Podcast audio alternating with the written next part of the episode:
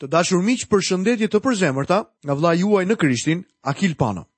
Ju uroj mirëseardhjen në emisionin e sotëm dhe ju kujtoj që jemi duke studiuar nga libri i Veprave të Apostujve. Sot do të fillojmë studimin tonë nga kapitulli i 4 i librit të Veprave dhe do të ndalemi tek persekutimi i parë i kishës. Ky kapitull na tregon rezultatet e predikimit të dytë të apostullit Pjetër. Në fakt u shpëtuan prej këtij predikimi 5000 njerëz. Pastaj apostujt arrestohen dhe futen në burg. Kjo u bë me nxitjen e saducenjve dhe arsyeja për të ishte predikimi mbi ringjalljen e Jezu Krishtit. Lexojmë pa vonuar nga vargu i parë dhe i dytë i kapitullit të katërt në librin e veprave të apostujve. Ndërsa ata po i flisnin popullit, priftërinjtë, komandanti i tempullit dhe saducenjtë u turrën mbi ta të zemëruar sepse e mësonin popullin dhe shpallnin në Jezusin ringjalljen e të vdekurve. Do të doja të tërhiqja vëmendjen tuaj tek diçka mjaft interesante. Kush ishin ata që udhëhoqën persekutimin e Zotit Jezus dhe në fund e arrestuan dhe e kryqëzuan? Krerët fetarë dhe farisenjtë.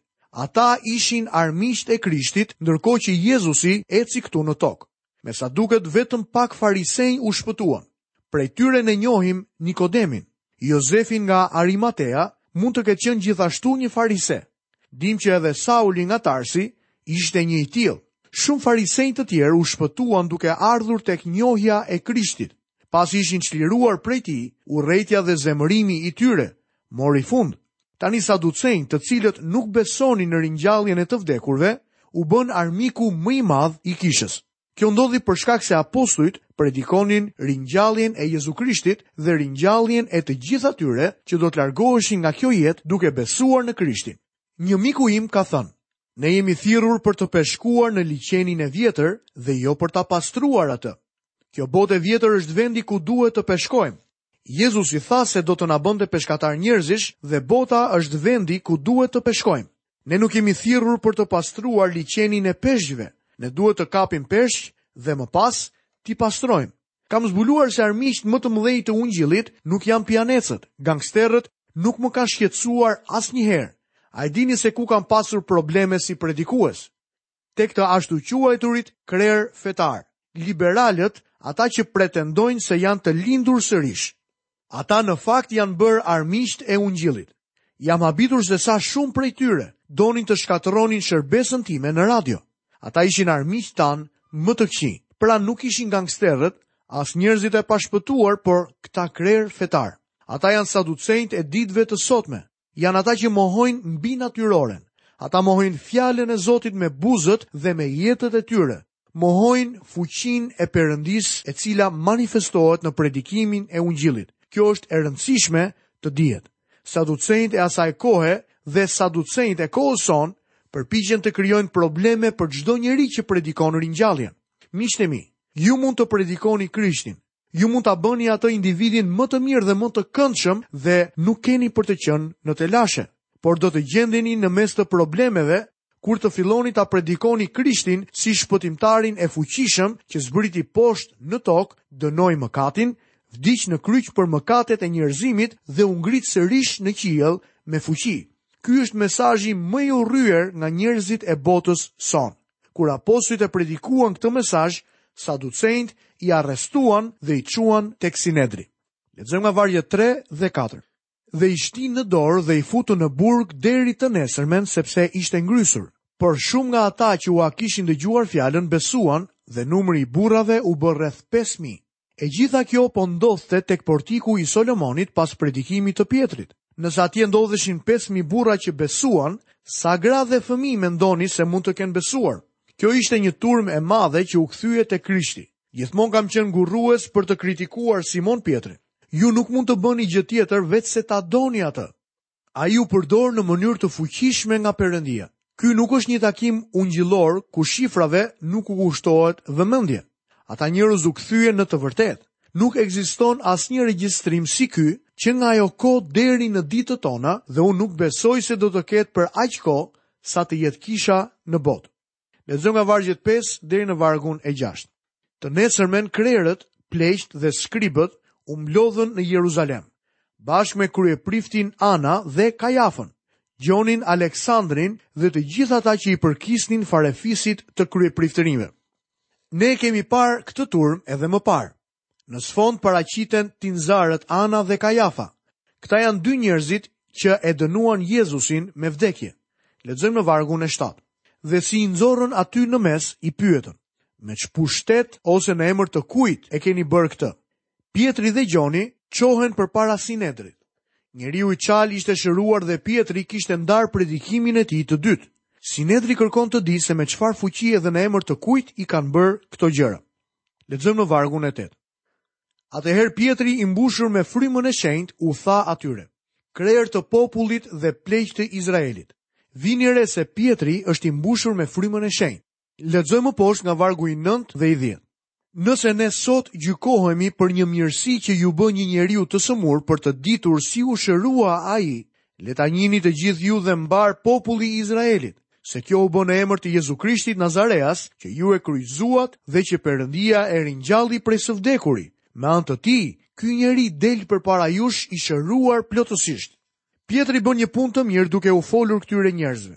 Deri në këtë moment, Sa herë që Pjetri do të hapte gojën, ai ngatërrohej me këmbët e tij, por kësaj radhe, ai kishte këmbët të mbathura me gatishmërinë e ungjillit të paqes. Ai është i mbushur me frymën e shenjtë dhe është duke shpallur gjënë e duhur. A po gjykohemi ne sot për një mirësi që iu bë një njeriu të sëmurë? Kjo është një pyetje hetuese. Lexojmë më poshtë vargun e njëmbëdhjetë. Ky është guri që ju, ndërtuesit, e hodhët poshtë dhe që u bë guri i qoshes. Pjetri vazhdon duke theksuar dy gjëra për Zotin Jezus. E para, është që ai u kryqëzua dhe u ngrit prej së vdekurish dhe tjetra është që Jezu Krishti është guri. Jezus i tha, mbi këtë shkëmb, unë do ta ndërtoj kishën time. Cili është shkëmbi? Tani Pjetri thotë, ky është guri, cili është guri? është kisha apo Simon Pjetri? Asnjëri nga ata. Por guri është Zoti Jezu Krisht nga Nazareti. Ai u bë guri i qoshes. Kjo u përmbush me anë të ringjalljes së tij. Vini re se ringjallja është qendra e predikimit të Ungjillit. Lexojmë në vargun e dymbëdhjetë. Dhe në asnjë tjetër nuk ka shpëtim, sepse nuk ka asnjë emër tjetër nën qiell që u është dhënë njerëzve dhe me anë të të cilit duhet të shpëtohemi. Po të kthehemi tek ngjarja e lindjes së Jezusit dhe tek udhëzimet e engjëllit, do të shohim. Ti do t'i vësh emrin Jezus, sepse ai do të shpëtojë popullin e tij nga mëkatet e tyre. Ai është shpëtimtari. Ky ishte emri i tij që në fillim. Kur të pranoni emrin, Ju pranoni gjithçka që kuptohet në personin e përfshirë. Pjetri e bën të qartë dhe unë dëshiroj ta theksoj se kur ju vini tek Krishti, ju vini për shpëtim. Nuk ekziston asnjë emër tjetër nën qiell që mund t'ju shpëtojë. Ligji nuk mund të shpëtojë. Feja gjithashtu nuk mund të shpëtojë. Një ceremoni nuk mund të shpëtojë. Vetëm një person mund të shpëtojë tërë racën njerëzore. Vetëm një person mund të të shpëtojë ty, Zoti Jezu Krisht. Jezus është emri i atij personi që zbriti poshtë në tokë për të shpëtuar njerëzit e tij nga mëkatet e tyre. Kur dikush vjen tek Krishti me besim, ai shpëtohet. Nuk ekziston asnjë vend tjetër tek i cili mund të shkosh për t'u shpëtuar. A nuk është interesant fakti që në historinë e gjatë të kësaj bote, të gjithë feve të botës dhe dogmave të tyre, asnjëri nga ata nuk mund të ofrojë shpëtim? Një xhaxhai im ishte predikues në një kishë, besimtarët e së cilës besonin në ripërtëritjen e pagëzimit. Kjo do të thotë që ti duhet të pagëzohesh për të shpëtuar. Një herë e pyeta, nëse unë pagëzohem ashtu siç ti thua, a do të garantojë kjo shpëtimin tim? Jo m'u përgjigj. Miqtë e mi, mund t'ju them diçka sot. Nuk ekziston asnjë emër tjetër nën qiell me anë të të cilit mund të shpëtoheni. Nëse vjen tek Ai dhe i beson Jezu Krishtit, atëherë ti do të jesh i shpëtuar. Kjo është garancia e vetme e shpëtimit tuaj. Ky ishte mesazhi i madh i Simon Pjetrit dhe vargu që vijon mbyll mesazhin për Sinedrin. Lexojmë nga vargu i trembëdhjetë. Ata kur e panë çiltërsinë e Pjetrit dhe të Gjonit dhe duke kuptuar se ishin njerëz të pamësuar dhe pa arsim, u mrekulluan dhe i njihnin se kishin qenë me Jezusin. Të pamësuar dhe pa arsim. Ja pra këta njerëz nuk kishin qenë në asnjë seminar teologjik. Por Sinedri kishte vënë re se kishin qenë me Jezusin. A nuk është e mrekullueshme të kesh një jetë me anë të së cilës t'u tërheqësh vëmendjen të tjerëve, vëmendjen e tyre ta sjellësh te Krishti? Lexojmë nga vargjet katërmbëdhjetë dhe pesëmbëdhjetë. Duke parë pastaj në këmbë pranë tyre njeriun që u shërua, nuk mund të thoshin asnjë gjë kundër, dhe mbasi i urdhëruan të dalin jashtë Sinedrit, u konsultuan me njëri-tjetrin. A u prekën ata nga fjalimi i Pjetrit? Jo, ata nuk u prekën aspak prej tij. Lexojmë në vargun e 16. Duke thënë, ç'tu bëjmë këtyre njerëzve, sepse u është e njohur të gjithë banorëve të Jeruzalemit se është bërë një mrekulli e dukshme prej tyre. Dhe ne nuk mund ta mohojmë. Saducenjtë e asaj kohe nuk mund ta mohonin mrekullinë e kryer. Ndërsa një liberal që jeton në shekullin e 21 arriti t'i mohojë mrekullitë. Nëse do të kishe jetuar në atë kohë, do ta kishe patur shumë të vështirë për të mohuar mrekullinë. Madje dhe liberalët e asaj kohe thoshnin, ne nuk mund ta mohojmë mrekullinë që ka ndodhur. Njerëzit sot thonë se vetëm nëse do të shihnin një mrekulli do të besonin. Kjo nuk është e vërtetë. Ajo turmë në atë kohë nuk besoi edhe pse pa me dhjetra të tilla. Ti dhe unë kemi të njëjtën natyrë njerëzore si ata njerëz. Problemi nuk është në mendje, por në zemrën dhe në vullnetin e njeriut. Zemra është e ligë, mosbesimi nuk vjen nga mungesa e fakteve. Ai është gjendja e zemrës njerëzore. Tani këta po thurin një komplot. Lexojmë nga vargjet 17 dhe 18. Por që kjo të mos përhapet më shumë në popull, t'i shtrëngojmë me kërcënime të rrepta, të mos i flasin më asnjeriu në këtë emër. Dhe si i thirrën, u dhanë urdhër atyre të mos flasin fare dhe as të mësojnë në emrin e Jezusit. Mirëpo ne do të shohim që Pjetri dhe Gjoni kanë një përgjigje për ta. Lexojmë nga vargjet 19 deri 22. Por Pjetri dhe Gjoni duke iu përgjigjur atyre, thanë, gjykoni ju, nëse është e drejtë para Perëndisë t'ju bindemi më shumë juve sesa Perëndisë, sepse ne nuk mund të mos flasim për ato që kemi parë dhe dëgjuar, ata pasi i kërcënuan përsëri I lanë të shkojnë duke mos u gjetur mënyrë se si t'i ndëshkojnë për shkak të popullit, sepse të gjithë përlëvdonin Perëndinë për atë që i kishte ndodhur. Sepse njeriu në të cilin kishte ndodhur ajo mrekulli e shërimit ishte më shumë se dyzet vjeç. Ju mund të mendoni se burrat e Sinedrit ndoshta u zbutën nga kjo gjë, por nuk ndodhi kështu. Ata ishin të fortë fizikisht, zemrat e tyre ishin të ngurta. Le të shohim fuqinë e frymës së shenjtë. Vargjet 23 dhe 24. Kur u liruan, ata u kthyen tek të vetët dhe u treguan gjithçka që krerët e priftërinjve dhe pleqtë u kishin thënë. Kur i dëgjuan këto, ata unanimisht e ngritën zërin tek Perëndia dhe thanë: O Zot, ti je Perëndia që ke bërë qiellin, tokën, detin dhe gjithçka që është në ta. Pjetri dhe Gjoni u liruan dhe u kthyen tek kisha duke treguar gjithçka që kishte ndodhur. Këtu jepet i regjistruar një takim i madh i kishës së hershme. Nuk besoj se gjendja shpirtërore e kishës ka qenë ndonjëherë kaq lart siç ishte në atë kohë. Ne shohim se çelësi për këtë është lutja. Është më shumë se një lutje, ajo është një këngë lavdërimi. O Zot, ti je Perëndi, ti je Krijuesi. Kam frikë se kisha nuk është e sigurt për këtë gjë sot. Zoti është Perëndia. A je i sigurt që Zoti Jezus është Perëndi? A je i sigurt? Kjo është shumë e rëndësishme. Kisha nuk është e sigurt sot. Kisha po ecën kuturu dhe ka humbur fuqinë e saj.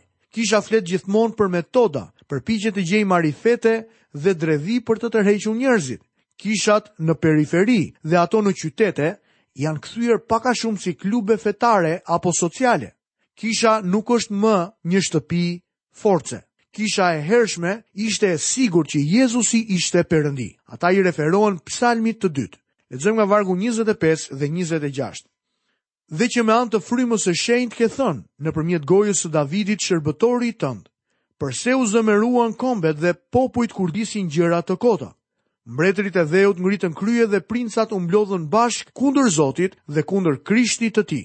Fillimi i përmbushjes së psalmit të dytë ishte kur ata kryqëzuan Jezu Krishtin. Urrejtja ndaj Jezusit dhe ndaj Perëndisë është mbledhur si një top bore përgjatë njëzet shekujve. Ajo është rritur në madhësi dhe në shpejtësi dhe do të arrijë kulmin mbi këtë tokë në rebelimin përfundimtar të njeriut kundër Perëndisë. Lexojmë nga vargjet njëzet e shtatë deri në vargun e njëzet e nëntë. Sepse pikërisht kundër birit tënd të shenjtë që ti e vajose, u mblodhën Herodi dhe Ponc Pilati me johebrenjtë dhe me popullin e Izraelit, për të bërë të gjitha ato që dora jote dhe këshilli yt kishin paracaktuar se do të ndodhnin. Dhe tani, Zot, shqyrto kërcënimet e tyre dhe lejo që shërbëtorët e tu të kumtojnë fjalën tënde me plot çiltërsi. Jam shumë i prekur nga kjo gjë. Kjo ishte një lutje e fuqishme dhe një shërbesë lavdërimi. Ata të gjithë ishin në një mendje, në një akord. Me shumë mundësi nuk u lutën në të njëjtën kohë, por sigurisht që po i thoshnin Amen atij që ishte duke drejtuar lutjen. Vini re se ata nuk u lutën që të ndalonte persekutimi. U lutën për kurajo, për guxim që ta duronin dhe të mos kompromentonin mesazhin e tyre dhe stilin e tyre të të jetuarit si krishterë. Kërkuan fuqi dhe guxim për të shpallur fjalën. Kisha e hershme ndryshon shumë nga kisha e sotme. Lexojmë nga vargjet 30, 31 dhe 32. Duke e shtrirë dorën tënde për të shëruar dhe që të kryhen shenja dhe mrekulli në emër të birit tënd të shenjtë, Jezusit. Vini re fuqinë e kishës së hershme. Dhe mbasi qenë lutur, vendi ku ishin mbledhur u drodh, dhe të gjithë u mbushën me Frymën e Shenjtë dhe shpallnin fjalën e Perëndisë me çiltërsi. Kjo ishte gjendja e kishës e cila bëri të mundur lëvizjen e madhe të Ungjillit. Dhe numri i madh i atyre që besuan ishte me një zemër të vetme dhe me një shpirt të vetëm. Askush nuk thoshte se ç'kishte ishte e vetja, por të gjitha gjërat i kishin të përbashkëta. Kjo nuk zgjati shumë sepse materializmi do të hyjë më vonë në kishë. Lexojmë vargun e 33 dhe apostujt me fuqi të madhe jepnin dëshmi të ringjalljes së Zotit Jezus dhe hir i madh ishte mbi të gjithë ata. Kjo është zemra e predikimit të ungjillit. Lexojmë vargun 34 deri 37. Sepse midis tyre nuk ishte asnjë nevojtar, sepse të gjithë ata që zotëronin ara ose shtëpi, i shisnin dhe sillnin fitimin nga gjërat e shitura, dhe i vinin te këmbët e apostujve, pastaj secilit i jepej sipas nevojës së tij. Kështu Jose, i mbiquajtur nga apostujt Barnaba, që do të thotë biri i ngushëllimit, levit me prejardhje nga Qipro, kishte një arë, e shiti dhe solli fitimin dhe i vuri te këmbët e apostujve. Kjo lloj jete mund të bëhej vetëm për një kohë të shkurtër për shkak të gjendjes shpirtërore të kishës. Është e kuptueshme të themi që duhet ta praktikojmë diçka të tillë në ditët e sotme. Nëse do ta provonim, do të kishim një kaos të madh. Pse? Sepse së pari, ne duhet të kemi të njëjtin nivel shpirtëror që ishte në atë kohë. Le të jemi të sinqertë dhe të përballemi me të. Ne kemi nevojë për një marrëdhënie më të ngushtë me personin e Jezu Krishtit. Pak më sipër u prezantuam me Barnabën. Më vonë do të dëgjojmë më shumë të flitet në librin e Veprave të Apostujve për këtë personazh. Të dashur miq, këtu kemi mbërritur në fundin e emisionit të sotëm. Ju kujtoj që në emisionin e ardhshëm do të fillojmë studimin tonë në kapitullin e 5 në librin e Veprave të Apostujve. Deri atëherë, paqja e Perëndisë mbuloftë me mbushulli zemrat tuaja. Nga vëllai juaj në Krishtin Akil Pano, bashkë mirudëgjofshim në emisionin e ardhshëm.